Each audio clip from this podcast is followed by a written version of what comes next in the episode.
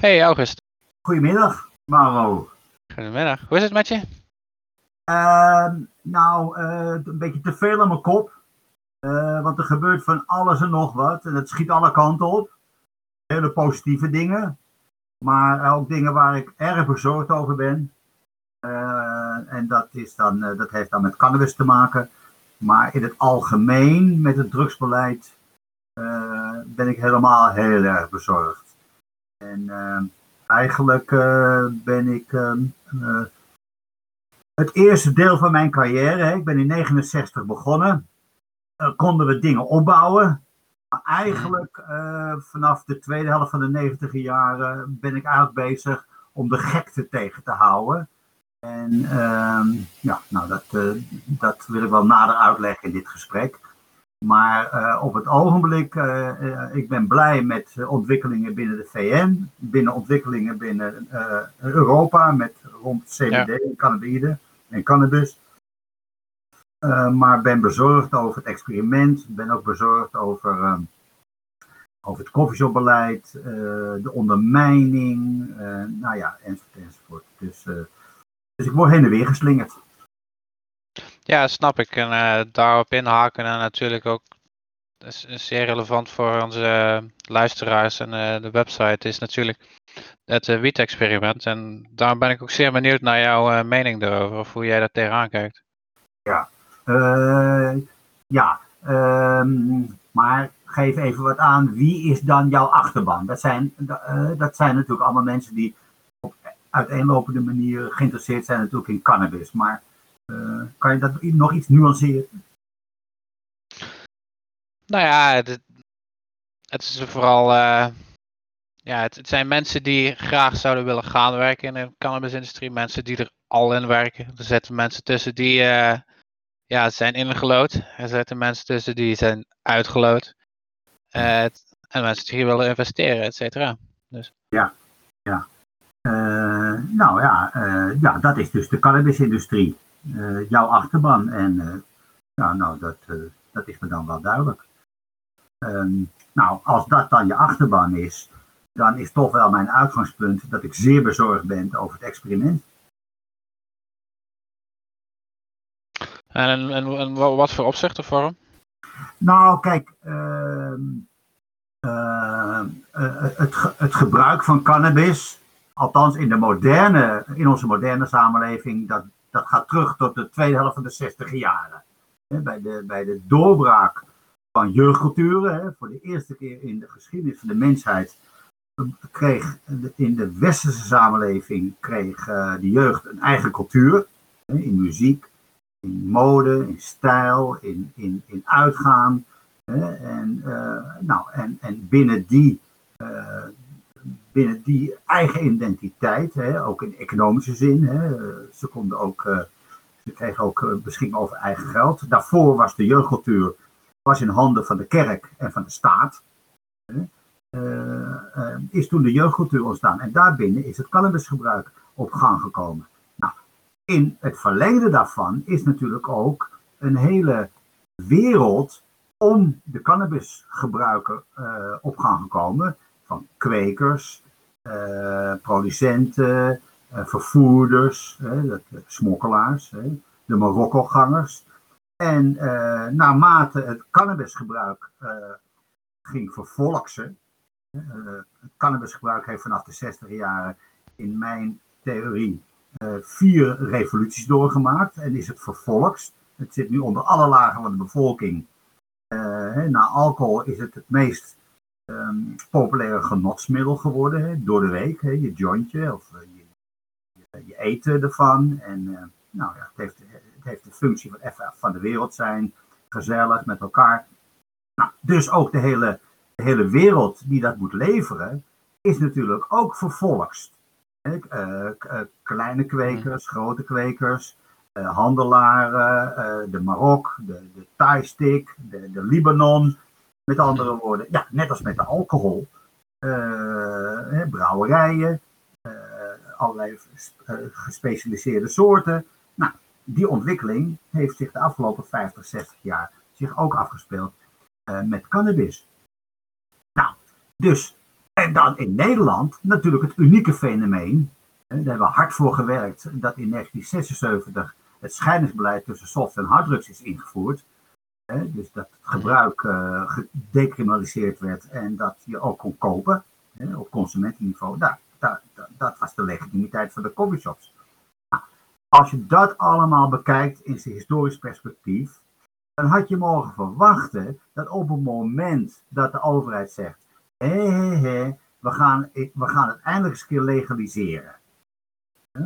Dat ze dan uh, om de tafel waren gaan zitten met die 50 jaar know-how van uh, gebruikers, coffeeshop-eigenaren, kwekers uh, de, de, de, en alles wat daartussen zit. Dus de, ja, nou, de cannabisindustrie, wat jouw naam is van jouw initiatief.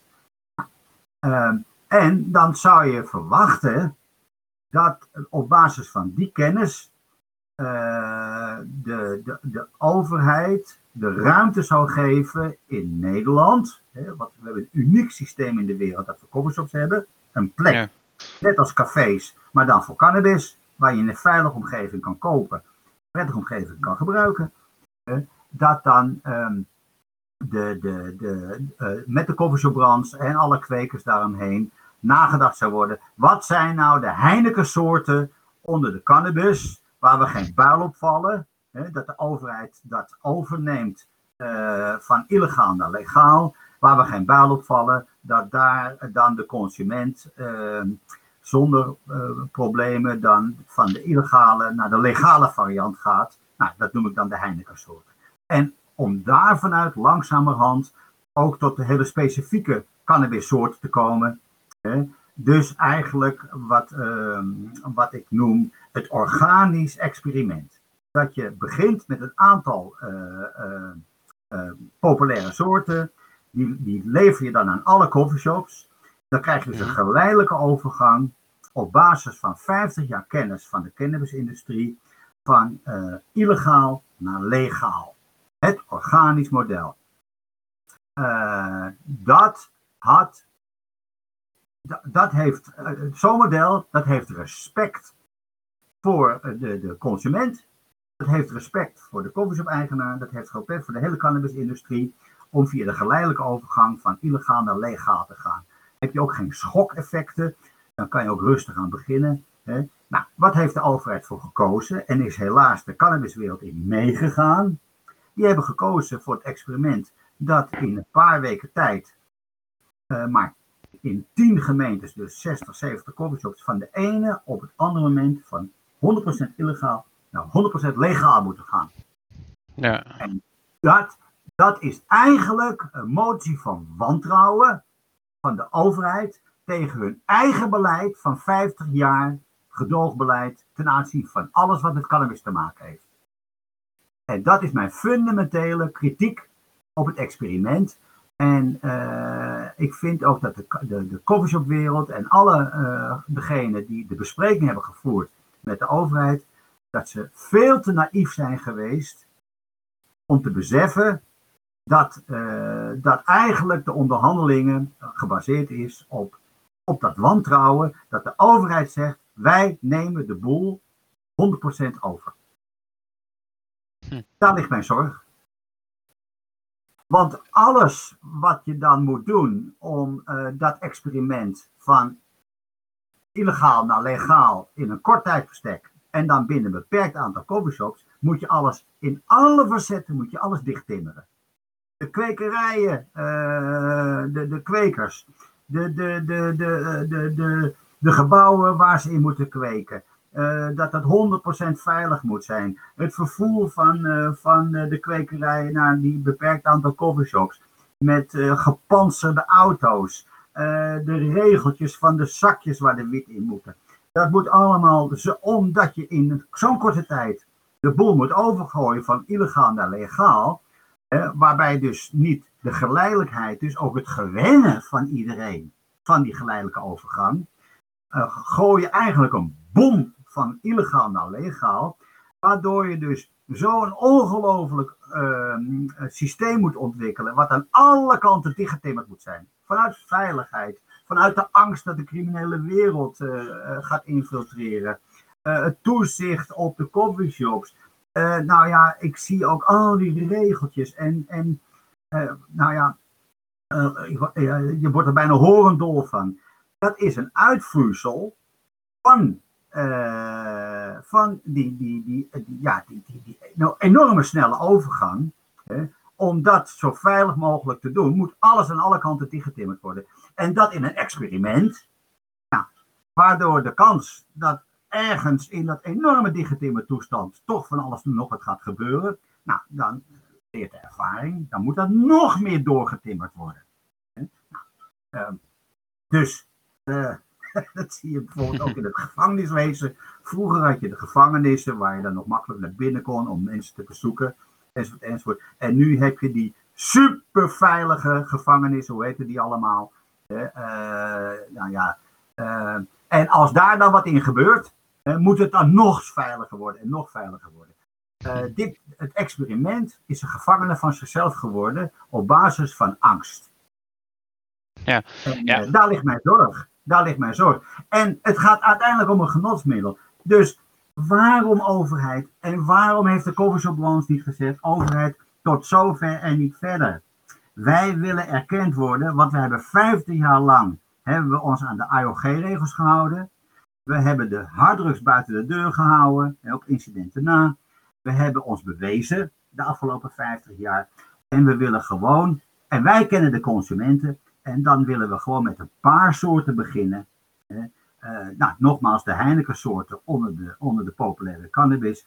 Laten we daarmee beginnen. En dan komen we uiteindelijk bij de, bij de, bij de exclusieve soort uit. Hetzelfde als in een café, waar je de Heineken hebt. En ook de Belgische biertjes en de hele exclusieve abdijbiertjes. Dat had de geleidelijke overgang moeten zijn. Had je ook kunnen nadenken over de Marok. hoe, je dat, uh, hoe je dat in de coffeeshops houdt. En daar was ook voet van gelijkheid tussen de uitvoerders, de leveranciers, de coffeeshop-eigenaren uh, en de overheid. Waarbij je er ook nog moest kijken naar dat ook het, het, het, thuis kunnen kweken. Wat je ook weer in de alcohol hebt. Hè? Mensen die hun eigen biertjes brouwen, hè, tandartsverenigingen. In België heb je 185 uh, bierbrouwerijtjes van uh, een tandartsenvereniging of een notarisvereniging enzovoort. Nou, in de wiet heb je dat ook. Mensen die voor hun eigen kweken, voor een vriendenkring, hè, met een beetje medische of therapeutische achtergrond. Hè, voor, voor het, nou, dat had een integraal onderdeel moeten zijn van het experiment, waarbij iedereen uh, vanuit een ronde tafel aanwezig had moeten zijn. En het tegenovergestelde is gebeurd. En uh, met andere woorden, het experiment in zijn uitvoering al is zo dichtgetimmerd. Dan kan het alleen maar nog erger dichtgetimmerd gaan worden in zijn uitvoering. En ondertussen uh, gaat dat 7, 8 jaar duren. Voordat, ja. voordat het helemaal opge, opge, opgetakeld is. Hè. Alleen op de kwekerijen. Hè. De, hè, waar we nu in zitten, dat de kwekerijen nu gekozen zijn. Zeker. Uh, en dat nog eens een keer, uh, dat het geleverd moet gaan worden. Dan moet het experiment allemaal nog uitgevoerd worden. Waarbij trouwens in het experiment ontzettend veel dingen zitten die niks eigenlijk met het experiment te maken heeft. En dat duurt dan uh, zes, zeven jaar. En dan moet er een politieke beoordeling komen. Nou, dan zie ik dat overal in de wereld ziet de legalisering op gang gekomen op een normale manier. En in Nederland, die juist de afgelopen 15 jaar die voorsprong had met coffeeshops, lopen we achter feiten aan. En uh, dan moeten alle coffeeshops die niet het experiment mee moeten doen, acht jaar wachten. In, uh, met, met gedoogcriteria die al vanaf het begin achterhaald zijn. Ja? Want die gedoogcriteria ja. komen uit de tweede helft van de 90 jaren. Nou, dat is al achterhaald. Dat kan niet getest worden. De voorraad, de STES is niet gelegaliseerd of niet onder de gedoogcriteria. Nou, dat moet allemaal wachten op een experiment. Um, ja, uh, waar ik al zoveel kritiek op heb. Dus aan alle kanten maak ik me bezorgd dat uh, dit experiment alleen maar fout uitloopt.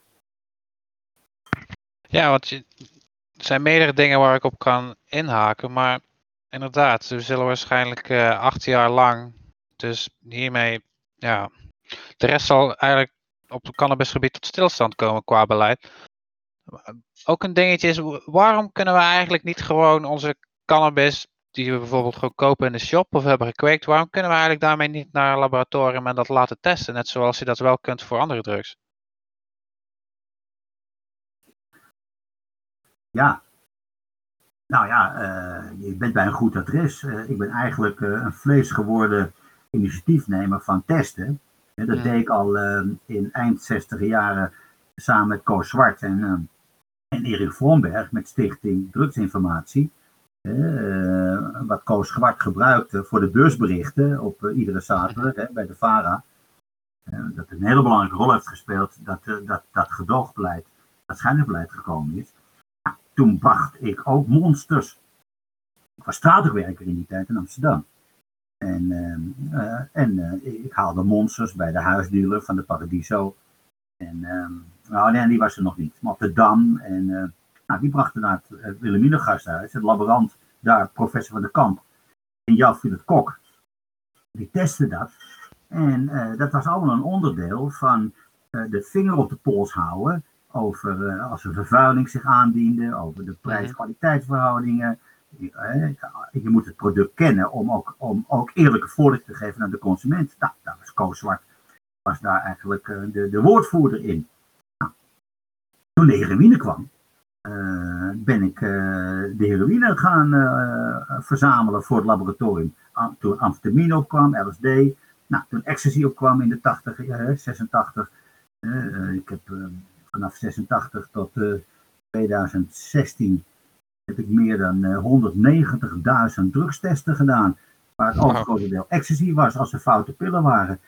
En als ik dan met cannabis naar het laboratorium kwam, dan, dan bleef de deur dicht. Ja, het is te gek voor woorden. Hm. Ja, nou... en, en, en er was aanleiding om met cannabis te komen. Uh, bijvoorbeeld, Kijk, de doorbraak van de nederwiet, dan praat je over begin 90 jaren. Daarvoor was het spinazie. In begin 90 jaren was de cannabis, de nederwiet, aantrekkelijk ook om in coffeeshops te verkopen. Toen ontstond bij politie justitie, begin 90 jaren, uh, vatte de, het beeld, begon het beeld post te vatten dat de nederwiet heel sterk was en de THC-gehalte enorm toenam. De laboratoria van de politie, NFI, eh, die deed dat. Eh, nou, dat heeft de kiem gelegd voor uiteindelijk de bestrijding van de kwekerijen. Dat begon toen al op gang te komen. Terwijl begin 90 jaar zou je verwachten dat toen de nederwiet aan zijn doorbraak begon, dat het commercieel aantrekkelijk werd en de consument het ook lekker begon te vinden, dat dat het moment was om te legaliseren. Want voor die tijd was het alleen maar Marok, Roy Libanon, Thai stick, de buitenlandse uh, hash uh, en, en Thai kwamen. Uh, nou, dat waren de coffeeshops. Dus toen die nederwiet kwam, had dat de start van de legalisering kunnen zijn. Toen is politie en justitie begonnen met de beeldvorming dat, dat het allemaal veel te veel THC in staat en veel te sterk was.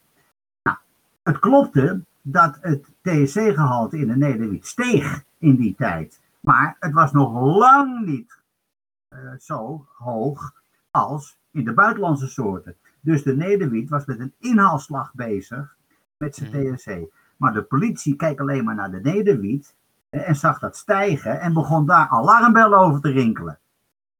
Nou, op dat moment had, eh, ben ik al naar VWS toegegaan van laten wij nou de nederwiet uh, testen en de buitenlandse soorten testen, want daar, daar zit ook de CBD in, om dan uh, tot de conclusie te komen dat de nederwiet alleen maar met een inhaalslag bezig was met de THC ten opzichte van de buitenlandse soorten. Dat was een enorme, belangrijke strijdpunt tegen politie en justitie om aan te geven dat de ontwikkeling van nederwiet uh, niet op zichzelf gezien moet worden, maar als inhaalslag met de buitenlandse soorten. Dus dat er eigenlijk niks aan de hand was. Dat juist daardoor de pleidooi voor het testen. Uh, dat, het pleidooi, dat het testen juist het instrument was voor het legaliseren van nederwiet. Nou, ik liep stuk bij de Jellinekken, bij de Trimbos instituten. Die hadden allemaal geen interesse in die politieke strijd. Nou, en dat is één van de voorbeelden dat de test een hele belangrijke rol speelt in, uh, in het politieke bewustwording, van dit geval dat nederwiet gelegaliseerd had moeten worden. Een ander voorbeeld. Al die verhalen uh, eind 90 jaren van dat de nederwiet, dat werd vervuild met, nou de raarste dingen gingen de ronde. Over anabolen dat erin zat en zand en, en, en, en weet ik veel wat. Nou, met mijn adviesbureau, hè, dus er werd heel, heel veel paniek gezaaid over, eh, dus ook over verzwaarde wiet.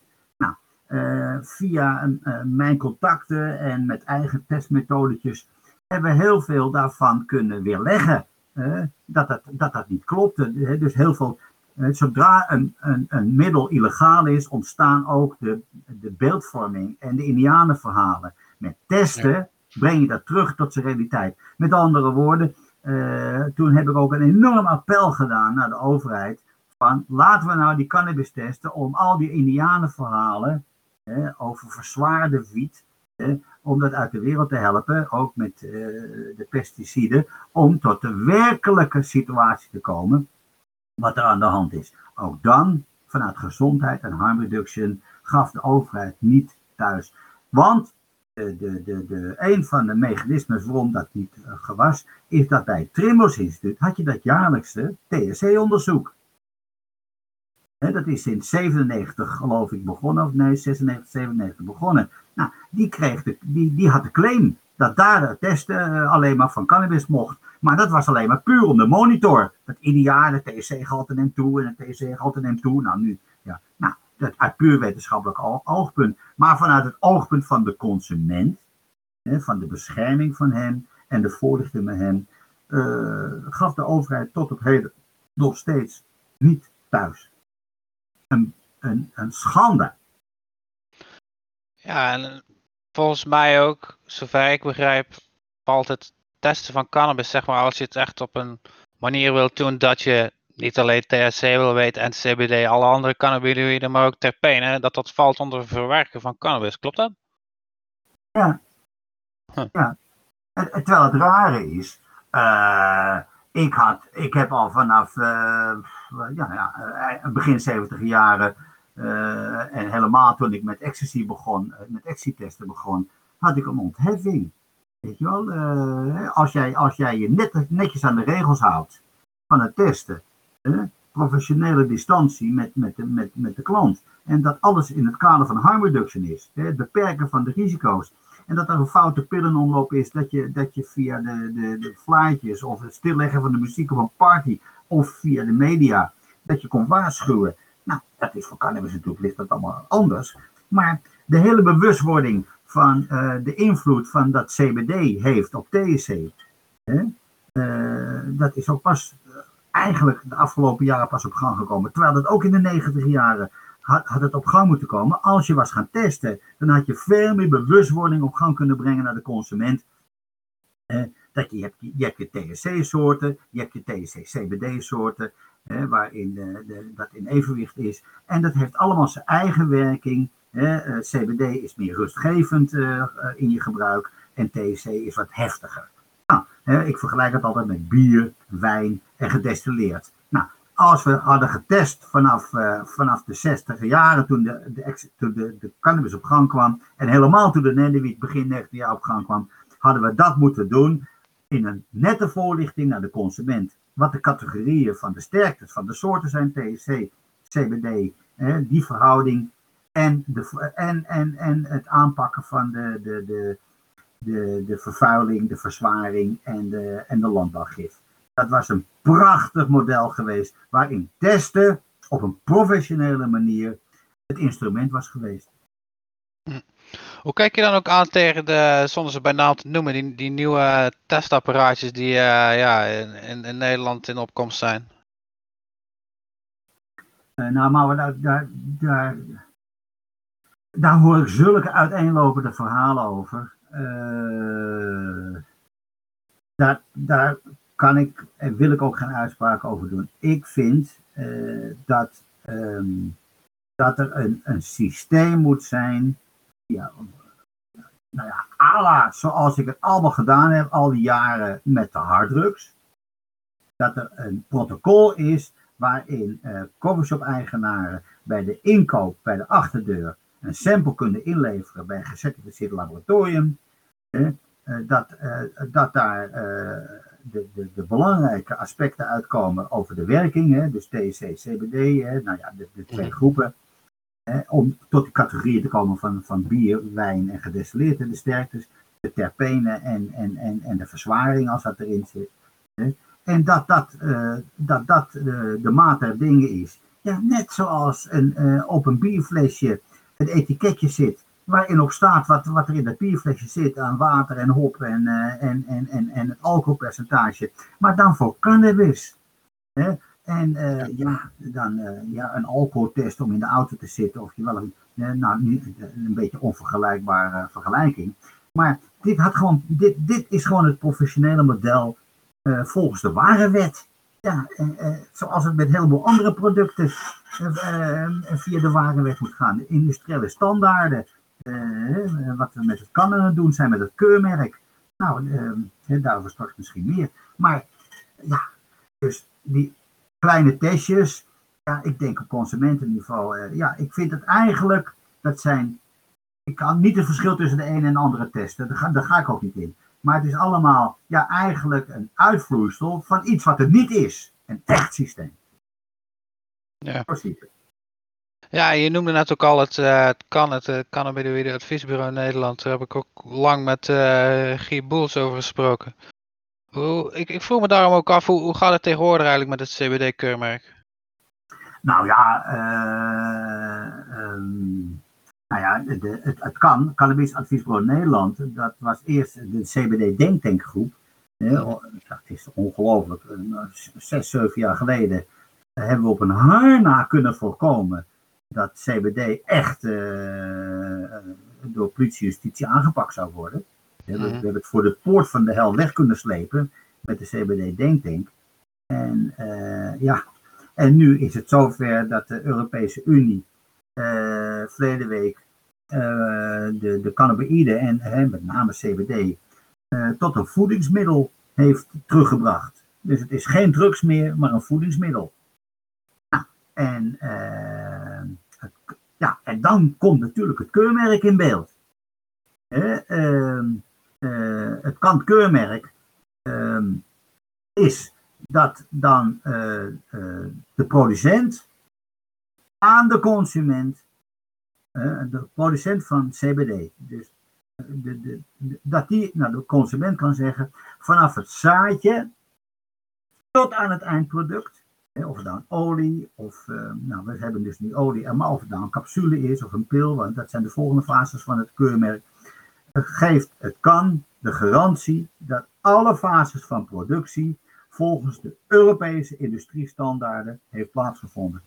Met andere woorden, het kan keurmerk betekent dat ook in de hele fase van productie, van grondstof tot eindproduct, dat de producent weet dat alle ketens en alle schakels om in dat proces, dat het allemaal volgens de industriestandaarden is geweest. En uiteindelijk de consument, dat u weet dat het volgens de hoogste industriestandaarden gegaan is, met de voorlichting over dosering, productinformatie en voorlichting over gebruik. Uniek. En uh, dat CBD, zes, zeven jaar geleden nog bijna, uh, uh, dat iedereen in de gevangenis daarvan zou komen die daarmee bezig zou zijn. Nou, dat is de emancipatie van de CBD. En het keurmerk is daar eigenlijk het vlag, de vlag van en het symbool van. En nou, en we kunnen dat als kan gebruiken, dat kanmerk, om het, ook het Europees beleid open te breken.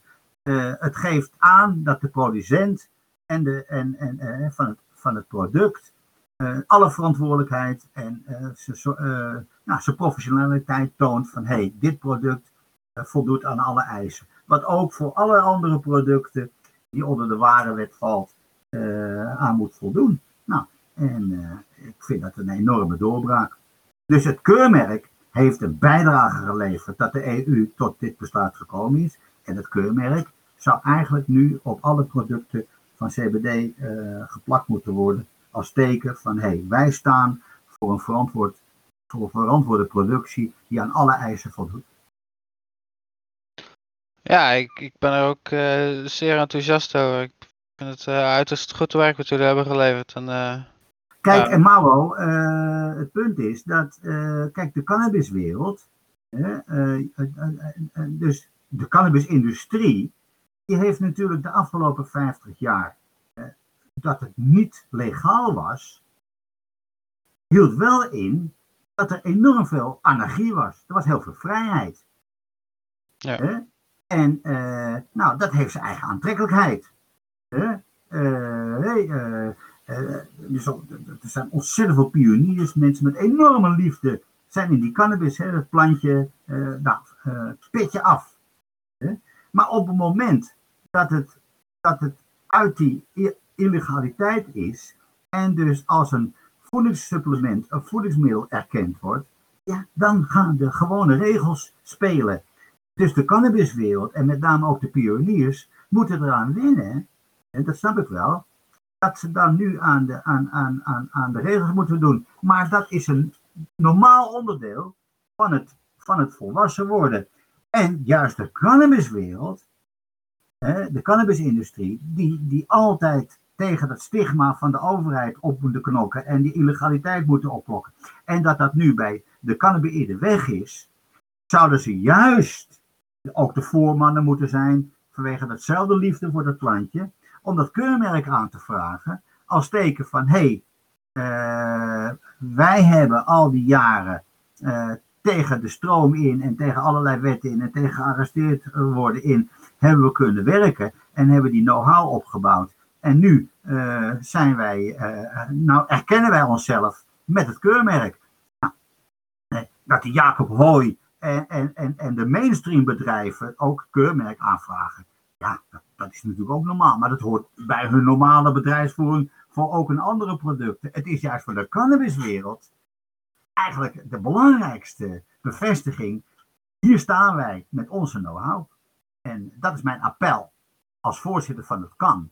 Naar de oude pioniers en, en, en de, nou, de generatie die, die, die uit die illegaliteit eh, komt met, met de CBD. En dat is eigenlijk precies hetzelfde wat ik bedoel met het experiment. Van uh, uh, al die know-how die, die in die 50 jaar zit.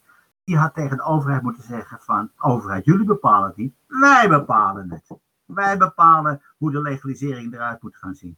Nou, en het tegenovergestelde is gebeurd. De cannabiswereld en ook de kwekers moeten aan de leibaan, aan de leiband gaan lopen van de regels van de overheid. En de regels van de overheid houdt altijd in dat die regels altijd meer worden. Altijd. Uh, in mijn hele carrière, als ik zie uh, dat op het moment dat de overheid het gaat, gaat formaliseren, dan krijg je alleen maar meer regels, meer rigide, meer bureaucratie, meer toezicht. Uh, bijvoorbeeld het, het, het, regelen, het legaliseren van de achterdeur van coffeeshops. Dat heeft dus te maken met dat, uh, dat de overheid iets wil doen aan de wereld achter de achterdeur van coffeeshops. Daar gaat het uiteindelijk om. Dat willen ze decriminaliseren. Dus terwijl in het experiment zitten heel veel regels en zoekerijen en toestanden die te maken hebben hoe het binnen de coffeeshop moet toegaan. De foldertjes met de voorlichting, de zakjes waar het allemaal in moet, uh, de, de, de, de regels van het personeel enzovoort. enzovoort. Dat, dat heeft allemaal eigenlijk niks met het experiment van het aanpakken van de wereld achter de achterdeur te maken. Nou, ook daarin had de Covershop in hun gesprekken met de overheid moeten zeggen, daar hebben jullie helemaal niks mee te maken. Uh, uh, wat allemaal tussen de muren van de voor- en de achterdeur van coffeeshops moet afspelen. Want dat is ons domein. En als de overheid zich daarmee gaat bemoeien, dan krijg je dat vingertje, terwijl het over een genotsmiddel gaat. Het is toch, ik bedoel, het is hetzelfde als je in een café een pilsje bestelt, dat je dan daarnaast, daarna ook een foldertje van de Jelinek moet lezen. Nou, dan, hoef, dan hoef ik dat pilsje al niet meer. Nee.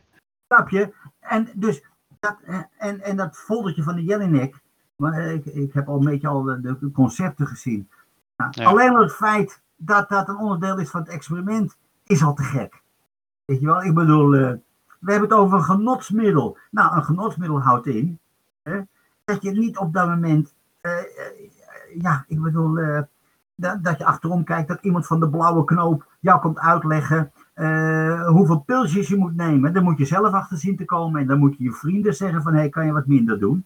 Weet je wel? En, en, de Bob, weet je wel, dat is de rol van de overheid. Maar niet het gebruik zelf. Daar hoort de overheid zich niet mee te bemoeien. Nou, met het experiment gaat ze zich wel mee bemoeien. Met andere woorden, uh, en het is allemaal vanuit de gezondheidszorg. Onderop met gezondheid, gezondheidszorg.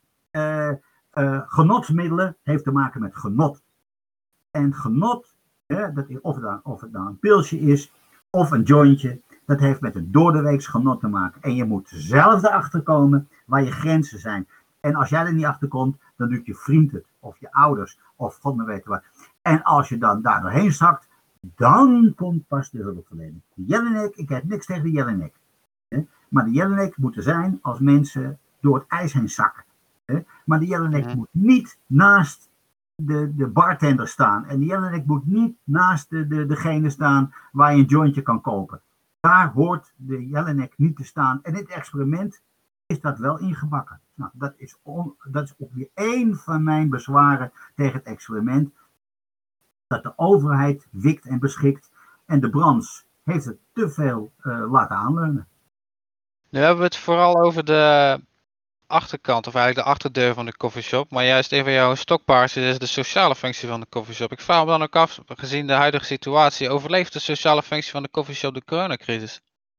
Uh, nou, je kan nog ook zeggen dat, uh, dat de, de tabakswet uh, kijk, de coffeeshop. De, de, nou ja, eigenlijk staat het hele coffeeshop model al, al heel lang uh, onder spanning.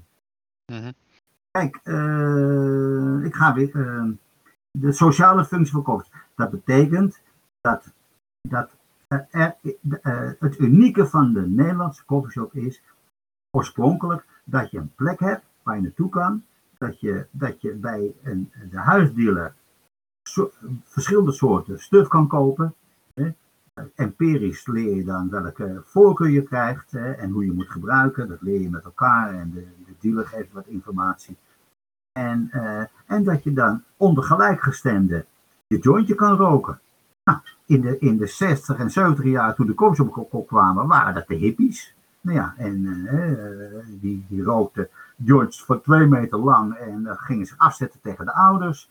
Uh, het was een countercultuur en uh, de Beatles en Love en Peace. Nou, en, en, en, en dat is tegenwoordig, is dat, ja, je, je, je rookt je sticky, dat is al een verschil. Ja, en je, deelt, je deelt het met elkaar. En je, je, gaat naar Ice kijken of je gaat naar Feyenoord kijken op, de, op het scherm. je, je ouwe hoert over de, de lopende dingen. nou ja, net als het café. Je afzakkertje, je opkikkertje, je, je vrienden. Eh, elkaar op de schouder slaan, uh, uh, ouwe hoeren, elkaar versieren, de jongens en de meisjes. Dat is het café en dat is voor cannabis de coffeeshop. Dat is de oorspronkelijke opzet. Hm. Nou, daar komt het vandaan. En dat moet in ere blijven. Nou, wat zie je nou? Dat als je eigenlijk de moderne maatschappij is eigenlijk begonnen in de, in de 60 jaar. Eh, zoals die maatschappij er nu uitziet. Nou, uh, dus de vrije tijdscultuur, dat is in de, vijf, in de 60 jaar begonnen. En ook de jeugdcultuur, wat ik al eerder noemde.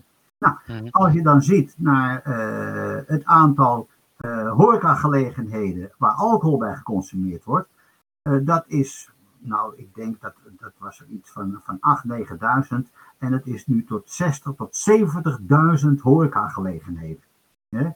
Een restaurant waar je je, je wijn, je eh, een, een, een, een, een sterren restaurant of afhalen uh, waar je je rotti kan eten tot aan een vijf sterren restaurant. Nou, al die varianten en alle varianten van cafés voor de gay en de lesbo en de, de, de, de, de, de, de waar de persjes, de pijtjes nog op de, op de tafel zitten. Dat heb je ook in de coffeeshop. Uh, de coffeeshop van de Rasta, de coffeeshop voor de middle of the road, de coffeeshop voor de, voor de motorclub, de coffeeshop voor de gay. Uh, nou, van, wat heb je allemaal niet?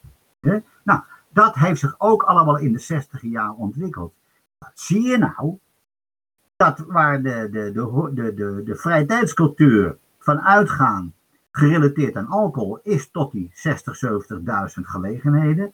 De coffeeshops, is misschien van 18, 1900 over heel Nederland nog maar, nou, ik, denk zelfs, er was er 2, 2.500 coffeeshops. Dat is teruggebracht tot 5, 600. Met andere woorden, uh, de, terwijl de vervolksing van de cannabis doorgegaan is. Het was een witte, hoge middenklasse uh, hippiecultuur. Daar is de cannabis begonnen en het zit nu in alle lagen van de bevolking in een multiculturele samenleving. Met andere woorden, de diversiteit van type coffeeshops had daarin mee moeten gaan. Een Rasta gaat niet naar de Bulldog. De Bulldog is voor de middle of the road. Nou, dat is de functie van de Bulldog. En diep respect voor de Bulldog, want dat doen ze goed. Maar de Rasta, die wil zijn Rasta coffeeshop. En de andere Hazes coffeeshops heb je. En, en, en god maar weet wat. Dat is allemaal aangepakt door scholenafstand. Door, uh, uh, door het nul-optiebeleid. Nul, dus de ene gemeente wel en de andere gemeente niet. Het is één grote troep geweest in het coffeeshopbeleid van Nederland. Met alleen maar sluiten, sluiten, sluiten. De coffeeshops in Amsterdam is met de scholenafstand zijn er 14 tot 18, uh, 40, 50 coffeeshops gesloten. En dan zei Van der Laan en nu Halsema, nou ja, op het aantal uh, kan er nog wel minder. Weet je wel? Wat blijkt nou? Van die aantallen, bij toeval, dat er heel veel Marokkaanse coffeeshops gesloten werden. Nou, er zijn er nog maar heel weinig van over. Met andere woorden, dat, is, dat geeft dus een druk op de overgebleven voor de Marokkanen coffeeshop. Want iedereen wil onder. Ik, wil, ik heb geen behoefte om naar een Marokkaanse coffeeshop. Niet dat ik discrimineer, maar ik wil ja, met mijn eigen mensen. Nou, en de Marokkanen willen dat ook. En de, en de, en de Rasten willen dat ook. Met andere woorden, dat is juist een onderdeel van het genot dat je met elkaar hebt. Weet wel? Uh, het genot is niet het jointje. Het genot is met elkaar uh, over van alles en nog wat oude hoeren onder gelijkgestemden. Dat is aangepakt door de overheid de afgelopen 50, 60 jaar. Uh, en daar en kan, er komt de tabakswet bij, dat je een aparte ruimte moet roken. Daar is de schoolafstand bijgekomen. Daar is het wietpas uh, bijgekomen, het I-criterium. Alleen maar een afbraak, waardoor steeds meer coffeeshops alleen maar afhaal werden het hitteam die steeds binnenkwam. Dat als je godverdomme mensen ging fouilleren en iemand had een pilletje op zak omdat hij een uur later naar een party ging en nog in de koffieshop een jointje ging halen, dat de koffieshop gesloten moest worden. Nou, dan begrijp ik een koffieshop-eigenaar die denkt van nou, uh, de H van de gedoogcriteria, dat risico neem ik niet. met het hitteam dat, dat iedere keer binnenkomt. Dus ik ga alleen maar afhalen worden. dus alleen maar de verkoop. Nou, dus je ziet dat de koffieshop steeds meer uh, eenvormig zijn geworden. Terwijl ze juist divers hadden moeten worden vanwege dat vervolgs- en die multiculturele samenleving.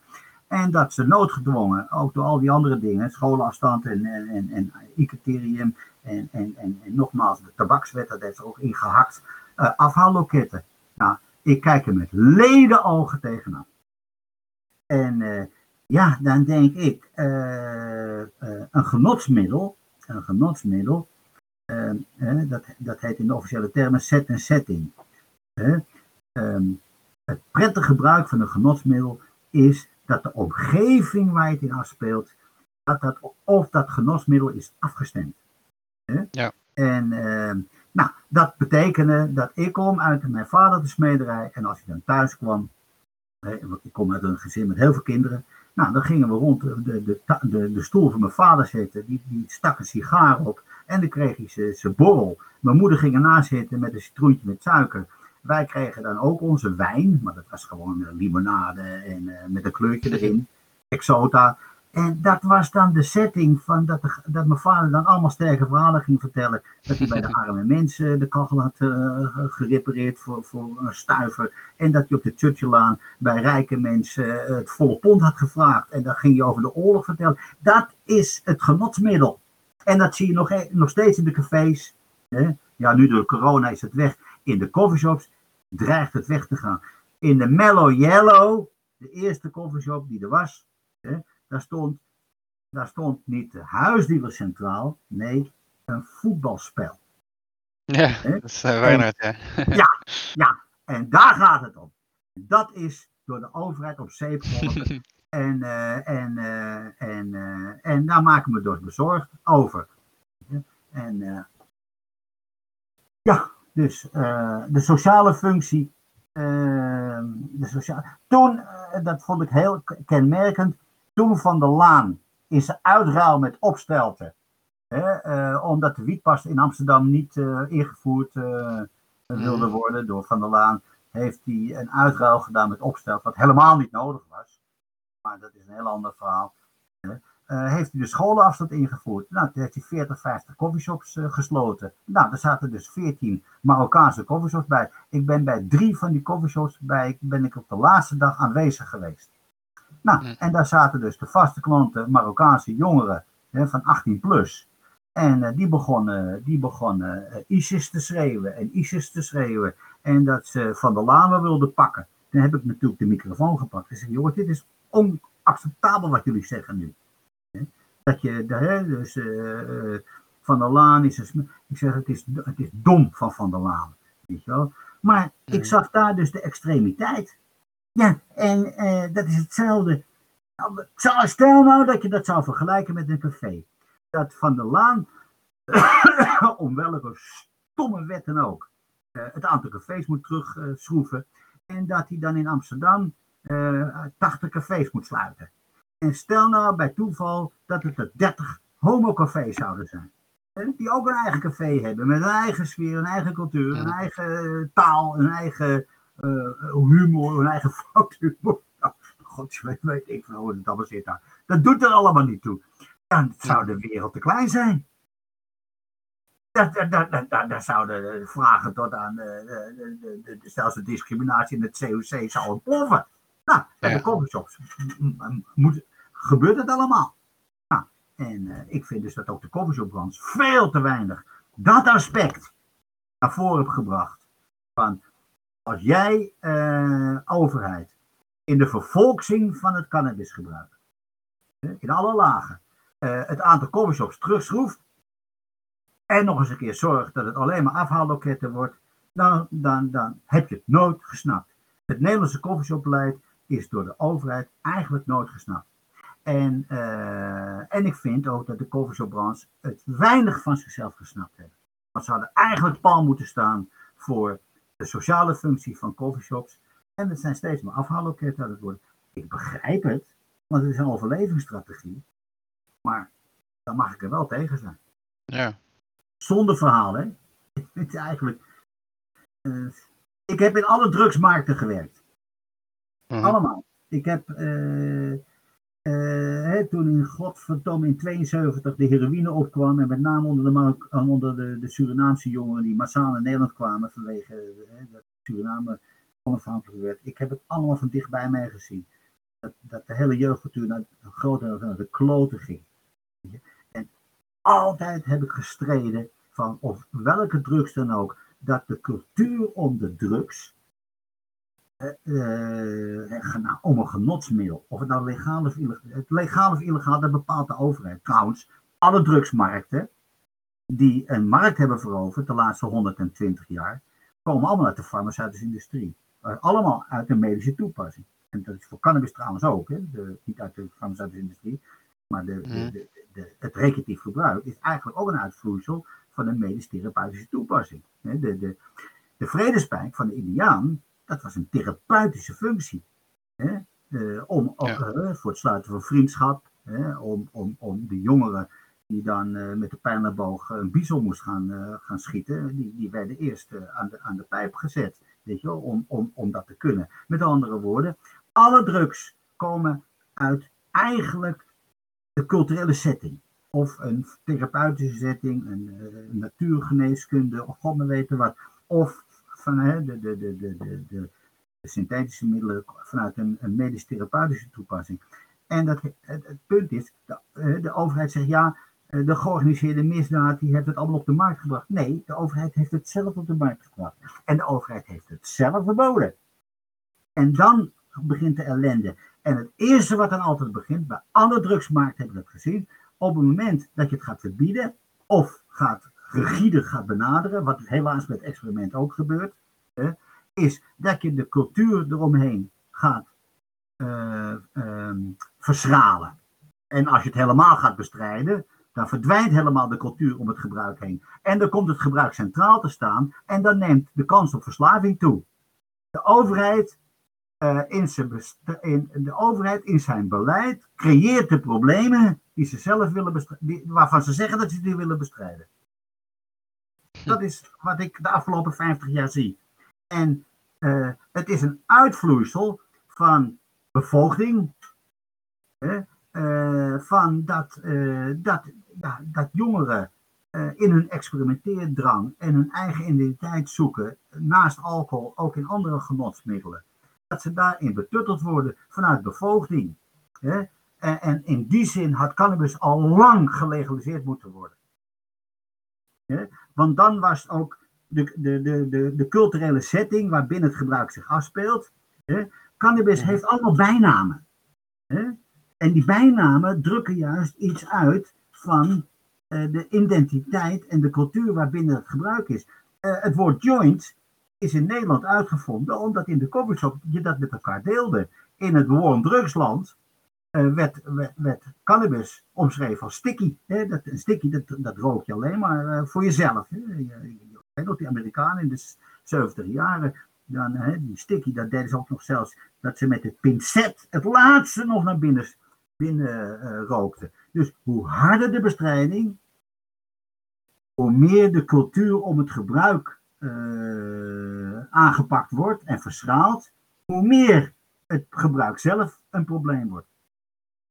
Als jij morgen alle cafés dichtgooit, heb je overmorgen 75% meer alcoholisme. Ja, dat denk ik ook. Ja, en, uh, en, en, en, en, ja, en bijvoorbeeld in de 90 jaren, toen zag je dus dat noemde hij de vierde revolutie van het cannabisgebruik. Hè. Het begon bij de hippies. Uh, in, de, in de eind 70 jaren werd het meer mainstream. Hè. In de, de, de 80 en begin 90 jaren werd het steeds meer multiculti. Hè. En trouwens ook de, de hippies van 18, die rookten nog steeds. Hè. Dus je had ook in, in, de ouderen dat, dat de stuf gewoon doorging. Hè. Dus in leeftijd, etniciteit en sociale klasse. En de tweede helft van de 90 jaren onder de jongeren. Nou, wat zag je bij de overheid? De, de, de Jellinekken en het Trimbos Instituut, die begonnen allemaal te brullen over schooluitverlaters en, en, en, en haltjongeren en uh, op school, het blowen. En die begonnen de stuf de schuld te geven, de TC. Kan je dat nog herinneren, Mauro? De TC krijgt de schuld. Nee. Ja, zo oud uh, ben ik uh, helaas niet. Oh, nou nee, ze wouden zelfs dat, dat, dat TSC met 15% op lijst 1 zou oh, komen. Dat, dat heb ik wel meegekregen, ja. Ja, nou ja, maar dat is toen begonnen, die, die, die theorie. Terwijl ik okay. liep, te, liep te, te, te, roepen naar de overheid. Nee, dit is een uitvloeisel van de vervolksing. Dat het nu gewoon eh, onder alle lagen van de bevolking, dus ook bij de kwetsbare jongeren terechtkomt. Dus ga uh, aan de gang. Ga aan de gang om hun uit te leggen op welke manier ze uh, verstandiger kunnen gebruiken. Ga van 18 naar 16 jaar uh, met je toegang tot de coffeeshop. Geef ze meer uh, informatie over de werking van CBD. Wat, en, en, en, laat ze kiezen voor de Marok. want de THC in de Nederwiet was ondertussen al behoorlijk hard aan het worden. Niet de THC, maar het ontbreken van de CBD. Dat heeft trouwens ook weer met de bestrijding te maken. Met andere woorden, het, het middel krijgt de schuld terwijl er sociale ontwikkelingen aan de gang waren. Dat, ja, dat kwetsbare jongen, als jij weinig te verliezen hebt, ga je veel blauwen. En, en, en uh, nou ja, dat is, dat is tot op de dag van vandaag. Nou, en toen is de bestrijding nog geïntensiveerd. Hè, uh, met die nationale taskforce tegen de kwekerijen.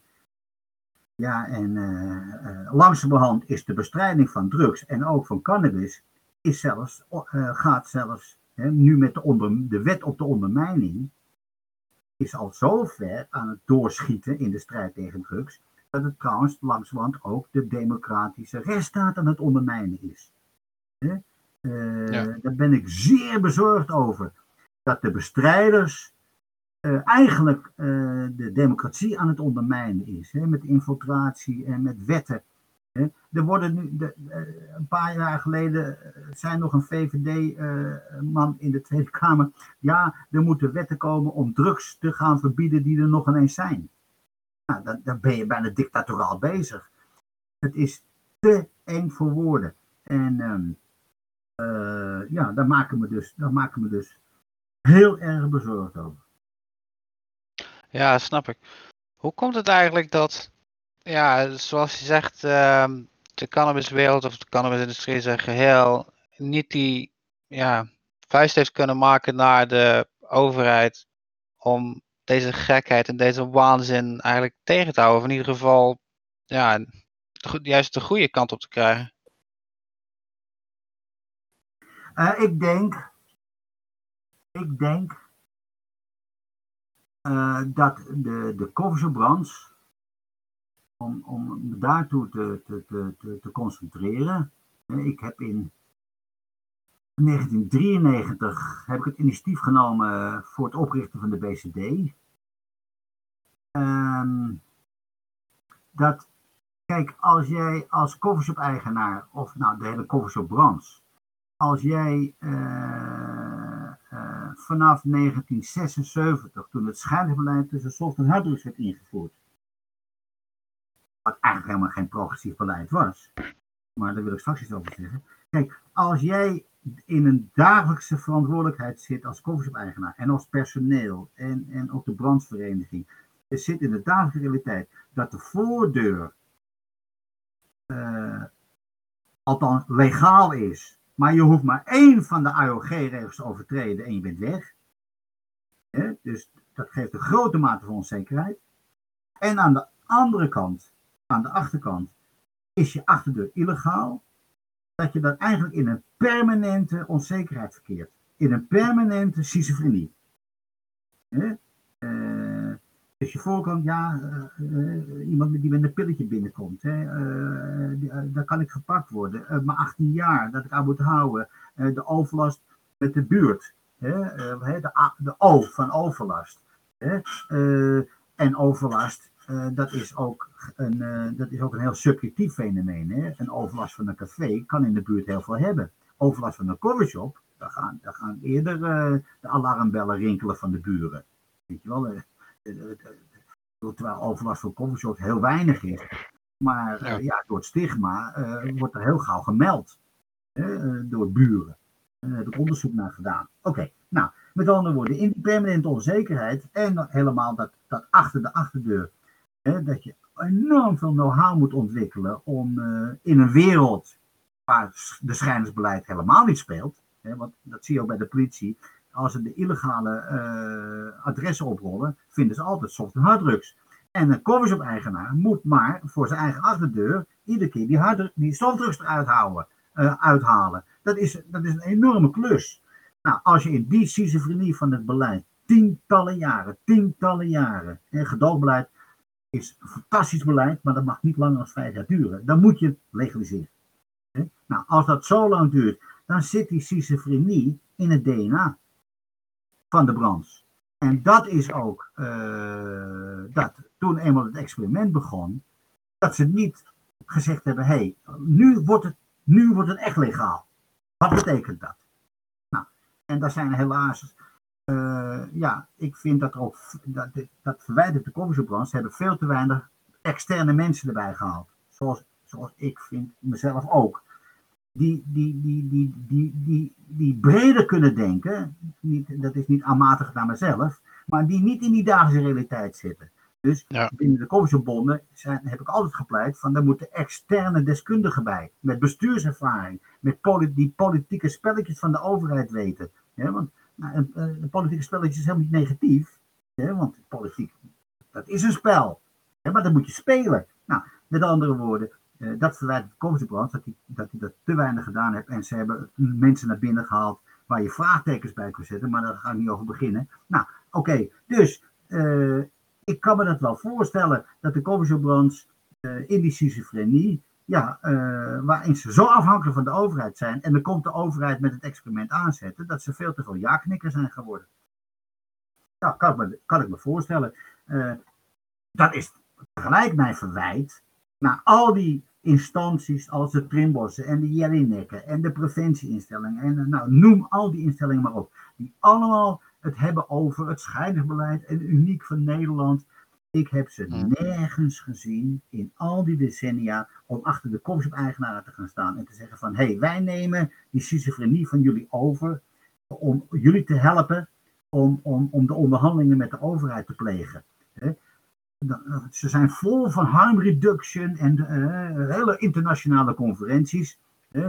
Eh, kom je ze tegen, die, die, die, progressieve, eh, eh, die progressieve mensen eh, eh, vanuit, de, eh, vanuit de drugspreventieinstellingen. Maar op de werkvloer, ter ondersteuning van de coffeeshop-eigenaar, heb ik ze nooit gezien. En dat geldt trouwens ook voor de coffeeshop-consument. Nou, ik vind, eh, om mijn eigen maar een beetje eh, te beroemen, dat ik dat wel gedaan heb.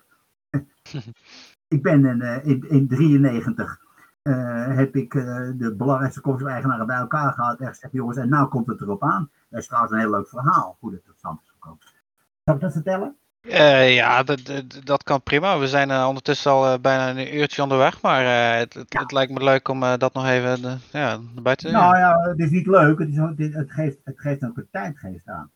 Kijk, ik heb al genoemd dat in het begin 90 jaren de, de, de nederwiet professioneel werd. Hè? Dus dat het commercieel aantrekkelijk werd. Toen had eigenlijk de start van de legalisering gestart moeten worden. Bij politie en justitie is toen de strijd tegen de kwekerij begonnen op basis van dat THC-verhaal. Het is veel te sterk en het is verslavend en eh, god maar weten wat. Er gebeurde nog iets anders. Er gebeurde nog iets anders. Ehm, toen, toen het moderne druggebruik op gang kwam, in de 60 jaren, was het cannabis. In het uitgaanscircuit, eh, en cannabis is gewoon een doordeweeks genotsmiddel. Hè, eh, je kan het iedere dag eh, gebruiken. en, en, nou, daarnaast ontstond de trend van uitgaansdrugs. Dus dat is echt uitgaan in het weekend. Dus dat werd LSD, dat werd amfetamine. Dat, werd, eh, ja, dat waren de belangrijkste wat dan als harddrugs eh, weggezet wordt. En toen kwam dat godvergeten heroïneprobleem. In de 70 jaren. Hè. De heroïne greep om zich heen. Greep om zich heen. eh, omdat eh, de 70 jaren werd het decennium. De 60 jaren was het decennium van de hoop de, de mondialisering van de samenleving, de jeugdculturen die ontstonden, de muziek hè, van de Stones en de Doors. En nou, jongen, de jeugdcultuur die, die, die spat uiteen. De democratisering op de scholen, universiteiten, de vrouwenemancipatie, de, de, de homo-emancipatie. De, de samenleving brak open. De, de, de, de, de, de, de ontzuiling ontstond. Ook in de, in de kerken. Een hele, nou, in de 70 jaar had je een weerslag, een terugslag. Dus in 70 jaar werd het eh, decennium van de, van de deceptie, van de, van de tegenstellingen, de, de, de oorlog in Vietnam, eh, nou ja, enzovoort, enzovoort, enzovoort, enzovoort. Conservatieven sloeg me dit toe. En in dat decennium van negativisme sloeg in de jeugdcultuur, sloeg de heroïne toe. Dus heel veel hippies die in de 60 jaren dachten dat ze in een paar jaar tijd de, de, de, de love and peace en, eh, tune-out eh, wereld konden creëren, die raakten gedesoriënteerd. En toen zei de heroïne, kom maar naar me toe. De eerste heroïnegebruikers waren geflipte, eh, geflipte hippies. Toen kwamen de Surinamers eh, naar, naar Ne- de Surinaamse jongeren, nou, die, die werden hier behandeld. Nou, discriminatie, eh, druk hem nog zachtjes uit. Nou, met andere woorden, de heroïne sloeg toe. In dat decennium is dat schijnbeleid ontstaan. En het schijnbeleid tussen soft en harddrugs werd in Nederland weggezet als een progressief beleid. Eigenlijk, als je terugkijkt, was het helemaal niet progressief. Het was een pragmatisch, het CDA van, acht. Het was een pragmatisch beleid van het heroïneprobleem slaat zo om ons heen. Daar moeten we alle aandacht op richten. En dan die stuf, nou ja, bekijk het maar, dat laten we met rust. Dus het scheidingsbeleid tussen soft en harddrugs hield in dat er geen softdrugsbeleid op gang kwam. Nee, dat werd gewoon totaal genegeerd. Politie, justitie en de hulpverlening richtten zich volkomen op de heroïne. Nou, wat gebeurde er? Het aantal coffeeshop namen toe, maar de overheid interesseerde dat geen moer. Dat ging gewoon zijn eigen gang.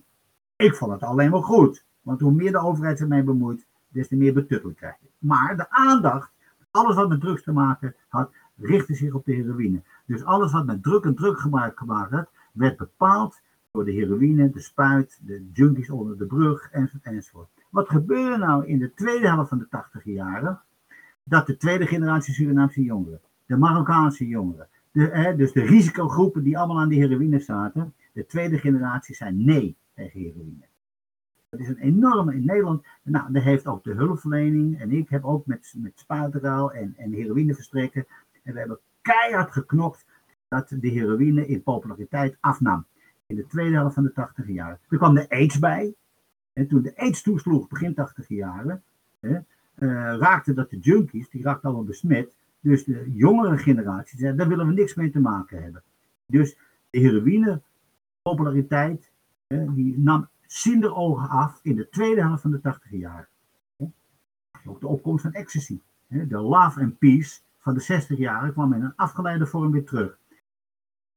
Helaas, wat er gebeurde, is dat de overheid, politie justitie, trouwens de PvdA heeft daar een hele belangrijke rol gespeeld, die dichten de afname van de heroïne aan zichzelf toe.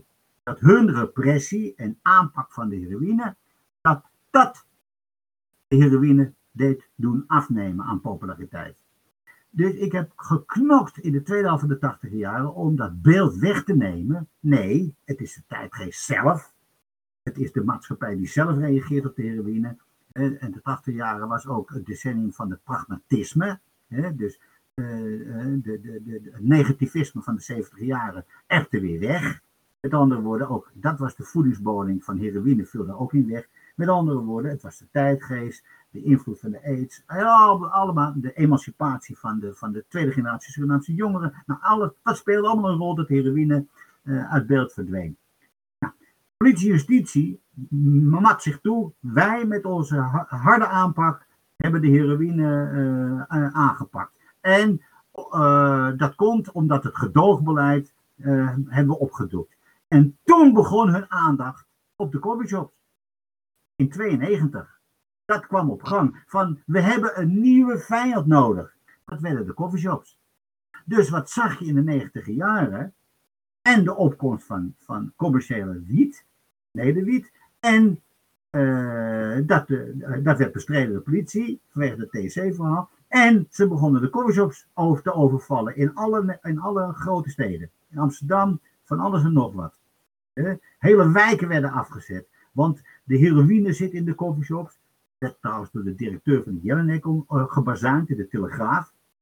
Dus er werden massale aanvallen ge, uh, gestart op de coffeeshop. Helikopters, arrestantenbussen, 570 man politie, douane, Fiat. Ja, je kan je, het was gewoon Amerika wat er zich afspeelde.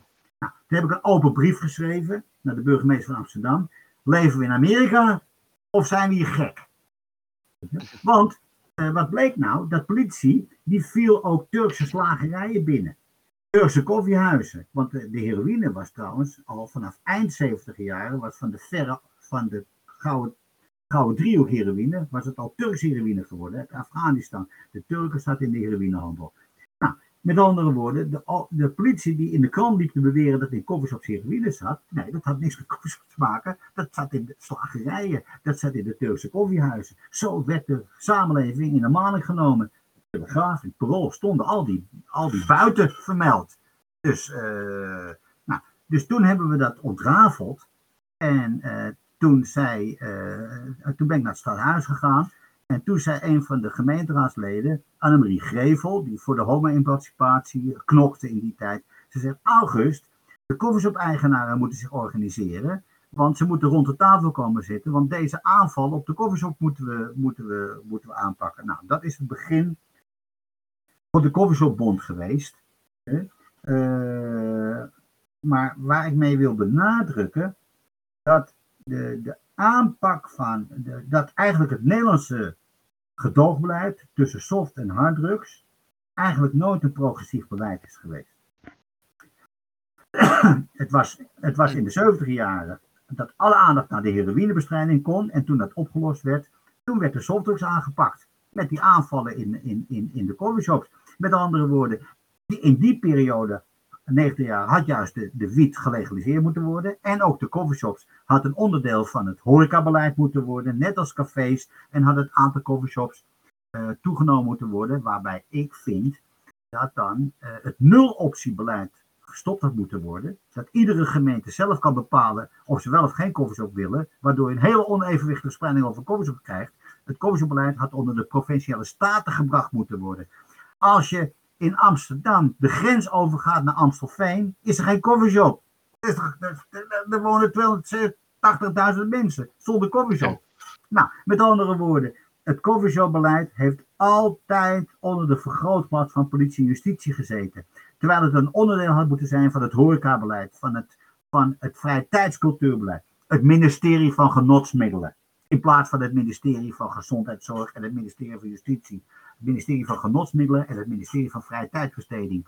En dat had de keuze moeten zijn waarin de coffeeshops, daar hadden, de, de hadden al, er moeten gewoon uh, 3000 coffeeshops in Nederland zijn. Ja. In plaats van die 500. Zodat, je, zodat de Rasta naar zijn eigen coffeeshop kon gaan en, uh, en de andere naar, naar de Bulldog en de andere naar de Queen House. Of, uh, iedereen zijn eigen type coffeeshop. Nou, mm. dat is eigenlijk uh, wat er aan de gang is. En het is nu zo erg dat met de ondermijningswet en de aanpak van de kwekerijen en alles wat zich nu afspeelt, uh, is het, we glijden steeds verder af van in de strijd tussen drugs uh, geven we nu zelfs de rechtsstaat op. En het allerlaatste wat er nu aan de gang is, dat nu ook de druggebruiker verantwoordelijk gemaakt wordt voor de, de criminaliteit en de drugsmafia. Terwijl de overheid verbiedt toch een middel. Ja. En, en, en, en dat vind ik een mooie afsluiter. En nu wordt er gezegd van ja, de, de, de, de, de, de druggebruiker, of het nou een cannabisroker is of een ecstasy-slikker, die is verantwoordelijk voor de dump in de, in, de, in de natuur en de drugsmafia enzovoort enzovoort. Maar laten we eventjes uh, in historisch perspectief plaatsen. Het moderne maffia is begonnen bij de drooglegging van de alcohol in de 20 jaar in Amerika. El Capone is kunnen groeien bij het verbod op de alcohol in de 20 jaren. Daar is het moderne maffia is daar ontstaan. Ik heb, ik heb in al die, ik heb heel veel studie gedaan. Ik ben ook al een jaar in Amerika geweest. Ik heb nergens in, in de stukken kunnen zien dat in die tijd de illegale alcohol, alcoholgenieter, hè, want die waren er, stokerijen en, en, en, en, en, en, en in danslokalen, hè, in kelders, nou, werd er vrolijk gefeest met alcohol, dat die door de gevestigde orde en de instellingen en, en de jellynekken, en, hè, want Trimbos heeft nu ook een, campagne tegen, om gebruikers te, te, te voor te lichten van jullie zijn verantwoordelijk voor de illegaliteit, voor de criminaliteit enzovoort. In de, in, in de, in de alcoholdrooglegging is de alcoholgebruiker nooit daarop aangesproken. Van jullie zijn verantwoordelijk voor het in stand houden van de, van de. Want de overheid heeft het verboden. Wat, wat, dat moet je even vasthouden. Wat zie je nou? Dat toen de heroïne op gang kwam in de 70 jaren, die dook daarin. De oude alcoholmafia. Die dook erin. Die dook. Met andere woorden, toen in de heroïnetijd uh, is er nergens door het parool en door uh, Rutte en, uh, en, en, en, en, en de, de groegemeente en ook de boswachter, die dat allemaal, die extra in de, en de wietkwekerij, dat, dat de politie zegt, ja, de, de, de, de yoga-snuiver en de yoga-roker, die houdt de criminaliteit en de, al, is verantwoordelijk voor al die ellende in de criminaliteit. Hè? Die in de 70 jaren, toen de heroïne, de, werd, de junkie werd er helemaal niet op aangesproken. Van jullie zijn verantwoordelijk voor, uh, voor de drugsmafia. Als dat de junk aangesproken zou worden, dan had hij gezegd, ja, ja, maar de drugsmafia, hè, die nu de heroïne in handen heeft, die heeft zijn oorsprong in de alcoholverbod. dus, uh, snap je? Met andere woorden, het is zo'n dubbele moraal dat, dat, dat al die verhalen over dat de gebruiker nu verantwoordelijk is voor de criminaliteit, het is de overheid. Op het moment dat alle, alle drugsmarkten die we nu hebben, komen uit de legale wereld. En dan heb je, als je de hele geschiedenis van het, van het gebruik van genotsmiddelen terugkijkt, dan zie je altijd dat het in een bepaalde setting een functie heeft, of een medische setting, of een rituele setting, of een. Mhm. eh, nou, dan, dan, dan, dan, dan, uh, dan door de tijdgeest hebt dat weg. Dus dan verdwijnt het. Dan is het een modegil geweest. Sommige middelen, die, wordt, die krijgen dan een bepaalde functie dat een nieuwe tijdgeest zich aandient in muziek of in stijl of in, in cultuur of in kunst, dat dan dat middel naast een therapeutische of medische toepassing of een rituele toepassing, krijgt het ook een recreatieve toepassing. Nou, dan gaat ook weer een bepaalde fase doorheen. Dan sterft het ook af of niet. En dan zet het door. Dan, dan heb je dus, je hebt de set, het zet zich, dan krijg je de trendset, hè? En dan kan het, of een modegeel, dan kan het weg, dan krijgt het een trendset. En dan krijgt het een, uh, en dan krijgt het een cultuurset. En daarna dijt het uit en wordt het een algemeen goed. dat zie je dus bij, bij cannabis. De hippie, tune in, turn out en drop out. Tot aan de 90 jaren. Ja, uh, ja, dat zie je bij LSD. Hè, de LSD was ook uh, Tim Leary, van, uh, die gaat de woestijn in en je moet, hè, er is meer te zeggen naar de, Twilight Zone. En nu heb je gewoon de smart shorts met de truffels. Ja. Wel, uh, gewoon, je, je, neemt een dosering en, en, je bent even van. Nou, met andere woorden, ook dat is allemaal, wat noem ik, vervolgst. Nou, dat zie je ook bij, bij ecstasy. dat was eerst de, de, de, de, de, de parties eh, de oude de, hippies van de 80 jaren. En in de, in de 90 jaren werd het de jongens die naar Ajax en Feyenoord gingen, de hooligans en de gabbers. Wat ik trouwens de meest interessante tijd vond, want het lekker hard. Weet je wel, uh, dat hoort. Nou, dat heb je met amfetamine. Hè. Heroïne is een apart verhaal. Heroïne is een roes. Dat is een wegvluchtdruk. Maar alle drugs maken die fases door.